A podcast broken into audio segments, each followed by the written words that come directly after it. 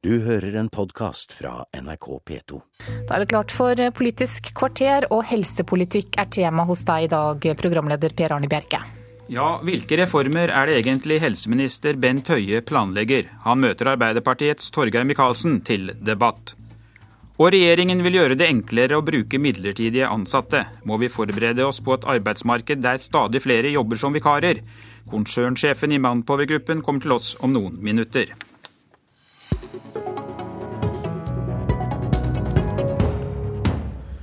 God morgen og velkommen, helseminister Bent Høie. I Sundvolden-plattformen står det at regjeringen vil øke bruken av private helsetjenester.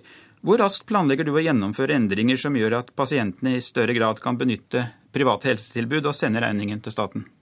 Det første vi skal gjøre, det er å åpne opp for at eh, de helseregionene i større grad kjøper eh, den ledige kapasiteten som er hos eh, private, for å få ned unødvendige flaskehalser i det offentlige helsevesenet. Og så vil vi i neste omgang da innføre ordningen eh, fritt behandlingsvalg. Først for de pasientene som har de største behovene, rusavhengige og, og mennesker med psykiske helseutfordringer, og så for andre, alle pasientene etterpå. Ja, ja, Hvor raskt vil pasientene merke en endring? Jeg håper at pasientene vil merke endring raskt, fordi vi allerede fra neste år kommer til å se at eh, de helseregionene bruker mer av eh, den ledige private kapasiteten. Og så eh, tar det selvfølgelig noe mer tid å innføre en helt ny ordning som fritt behandlingsvalg, for det krever både en lovendring og en, et nytt finansieringssystem.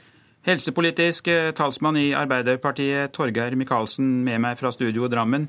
Bør vi ikke ta i bruk den kapasiteten som finnes for å gi folk et best mulig behandlingstilbud? Eh, svaret på det er både ja og nei, og Høie har helt rett at eh, vi skal ta i bruk mer kapasitet også i det private. og Det har jo vært gjort i stor stil eh, i løpet av de siste åtte årene. og Det ligger forslag til økt bruk av private krefter også neste år. Men så er også svaret nei, fordi vi er nødt til å satse på det jeg kaller de offentlige felles sykehusene. Det er der de aller, aller fleste folkene behandles. Og det er tross alt sånn i Norge at vi er et lite land med begrensede ressurser på høyspesialiserte eh, områder.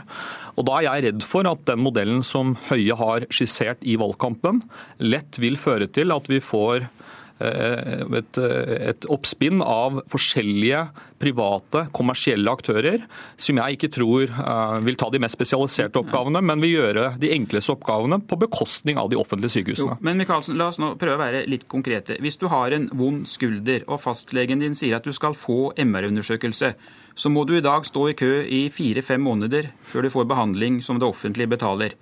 Men hvis du betaler selv, kan du få undersøkelsen i morgen. Hvorfor kan vi ikke bruke den ledige kapasiteten når fastlegen har sagt at du likevel trenger en slik undersøkelse? Men det er jo bl.a. det vi nettopp har foreslått. F.eks. For på MR så har kapasiteten økt. Eh, og jeg mener at vi i Arbeiderpartiet har ikke noe vi har et pragmatisk forhold til eh, i hvor stor innslag av private vi skal ha, men vi må ha en viss form for Selv i verdens rikeste land, pleier jeg å si, så må det være slik at du har en viss form for prioritering. Helsevesenet er noe annet enn et supermarked, og noen eh, kan vente litt lenger for at andre med mer alvorlige lidelser skal gå eh, foran. Men vi er åpne for å øke behandlingskapasiteten.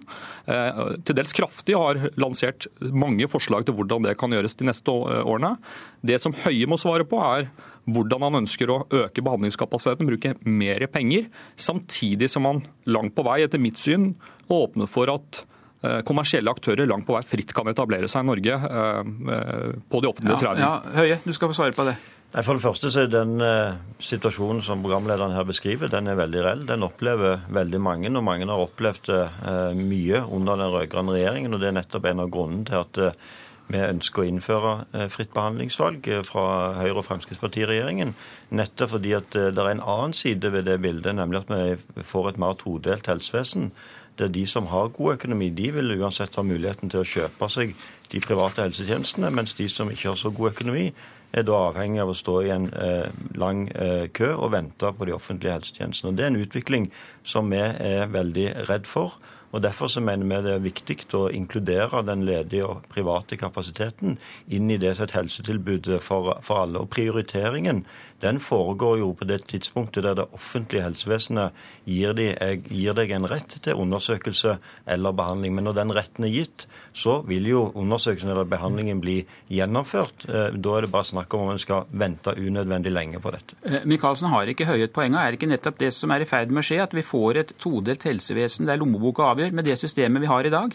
I dag har vi i Norge eh, kanskje et av verdens mest likestilte helsevesen, der du kan få rask og god kvalitetsmessig behandling eh, over hele landet. Hvis du sammenligner Norge med mange andre land, så eh, er det grunn til å være uro for framtida hva gjelder et klassedelt ja, helsevesen. Men jeg har ingen tro på at du får et mindre klassedelt helsevesen om ikke i morgen, hvis Høie får det som han vil, men hva om fire, åtte, tolv år?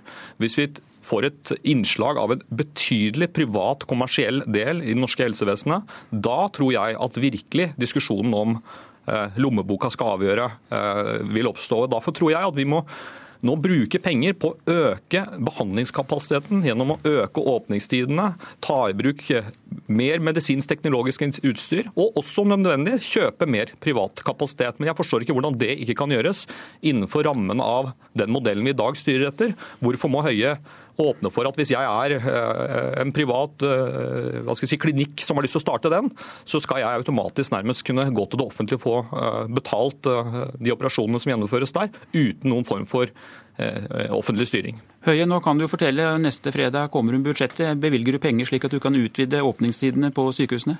Det skal du få vite neste fredag, men arbeidet med å utvide åpningstiden på de offentlige sykehusene, som ble startet den forrige regjeringen, det vil ha like stor oppmerksomhet eh, under denne regjeringen. Men, og Det som òg er viktig, det er jo at eh, de aller fleste pasientene får behandling på de store offentlige sykehusene. Vi skal derfor òg bedre eh, finansieringsordningene for de offentlige sykehusene. Det er der 70-80% av pasientene blir behandla som er akutte uten noen ventetid. Og de aller fleste av de som òg venter på behandling, venter kort og er fornøyd med den ventetiden. Men så er det noen som møter helt unødvendige flaskehalser.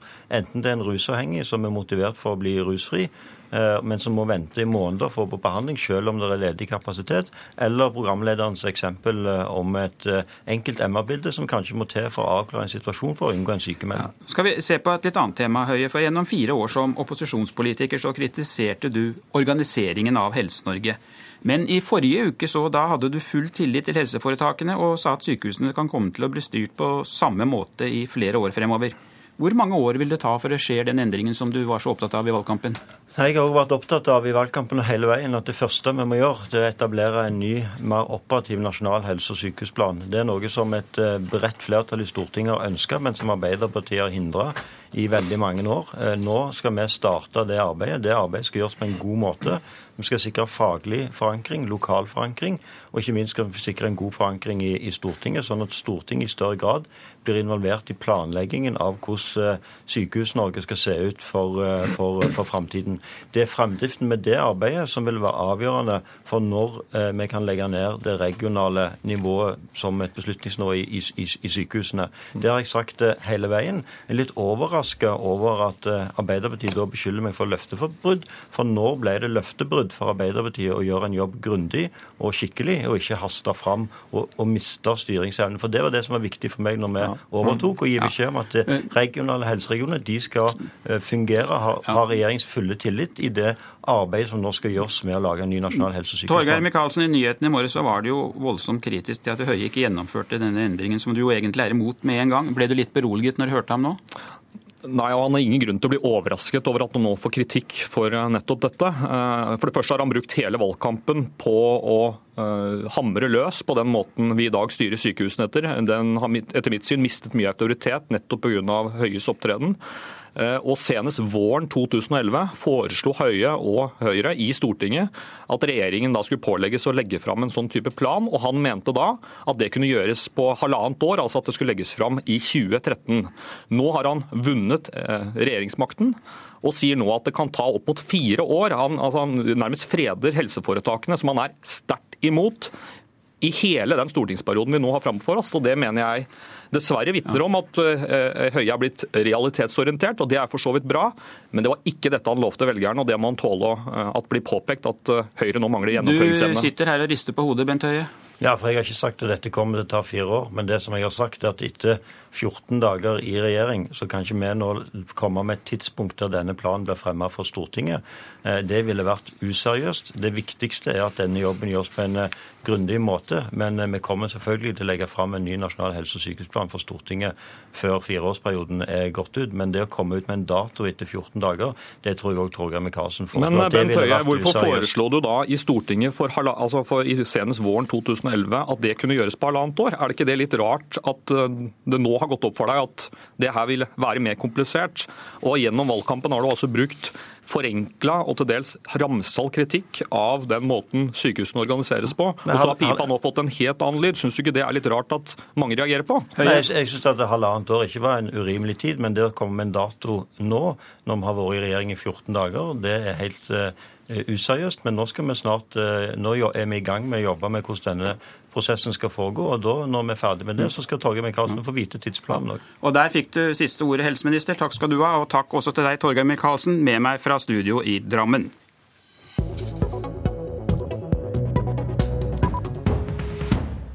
Regjeringen vil ha mer fleksibilitet i arbeidslivet og åpner for økt bruk av midlertidige ansatte, slik vi hørte arbeidsminister Robert Eriksson fortelle i Politisk kvarter i går.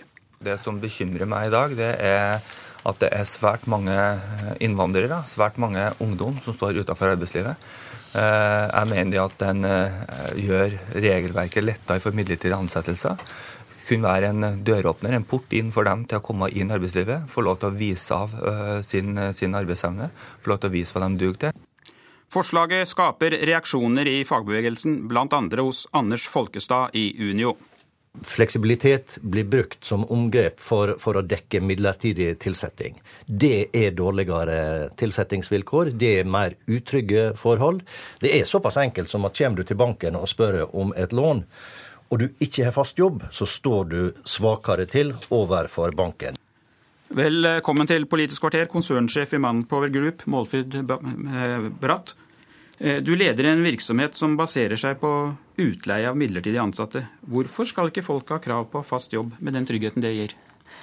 Eh, I utgangspunktet må jeg si at vi er også for i arbeidslivet at det er fast ansettelse som er hovedregelen. Men det er en gang sånn at vi bruker å si at uten vikarer så stopper eh, AS Norge. Og det er også når du går ut og spør bedriftsledere i Norge, så støtter de også opp under det. Fordi at det er perioder hvor du trenger midlertidig ansatte, det være seg sykdom, prosjekter, permisjon og annet. Og da har du behov for vikarer i arbeidslivet. Så fleksibiliteten har du behov for. Ser du nå for deg en utvikling der vi får et arbeidsliv med flere midlertidige ansatte enn det vi har i dag? Det er jo sånn at I norsk arbeidsliv i dag så er det jo 10% som allerede er midlertidighet. Så om du skal få økt antall midlertidige, det tror ikke jeg. Jeg tror det som er viktig, er at vi sørger for at de som jobber midlertidig, jobber under regulerte og ryddige arbeidsforhold. Sånn som de bl.a. gjør når de kommer til oss, hvor de jo er ansatt hos oss og vi leier de videre ut. Men eh, Målfred Bratt, da lurer jeg på, hva sier du til en 30-åring som ikke har fast jobb, og som ikke får boliglån, og som ikke får etablert seg fordi hun bare er vikar? Da sier jeg til vedkommende at da skal vi prøve å hjelpe deg ut, eh, sånn så du, dette er et springbrett inn på arbeidsmarkedet. Eh, og det er en gang sånn at det er bedre å ha en midlertidig jobb enn å ikke ha jobb. Men også når du ser på undersøkelser som vår bransje viser, så viser det at fire av ti de går ut i fast stilling når de har vært ute som vikarer. Og det beviser jo nettopp at dette er et viktig springbrett inn til arbeidsmarkedet. Men eh, er du helt sikker på det for funksjonshemmedes fellesorganisasjon? Og det er jo også av og til funksjonshemmede som kan komme inn i arbeidsmarkedet ved hjelp av vikariater. Funksjonshemmedes fellesorganisasjon sa i går at midlertidighet går dårlig sammen med folks behov for trygghet i hverdagen. Er det feil? Eh, jeg vil ikke si det er feil, for det er jo sånn at vi har behov for at vi hjelper også de som er funksjonshemmede ute i arbeidslivet. Og det er nettopp det vi jobber med hver eneste dag. Det er jo å matche kompetansen. Eh, og det gjelder jo også for funksjonshemmede. At kan vi være en døråpner der de kan få lov å prøve seg først, og så komme seg ut i fast arbeid etterpå, så er jo det også en fin måte å komme ut i arbeidslivet på.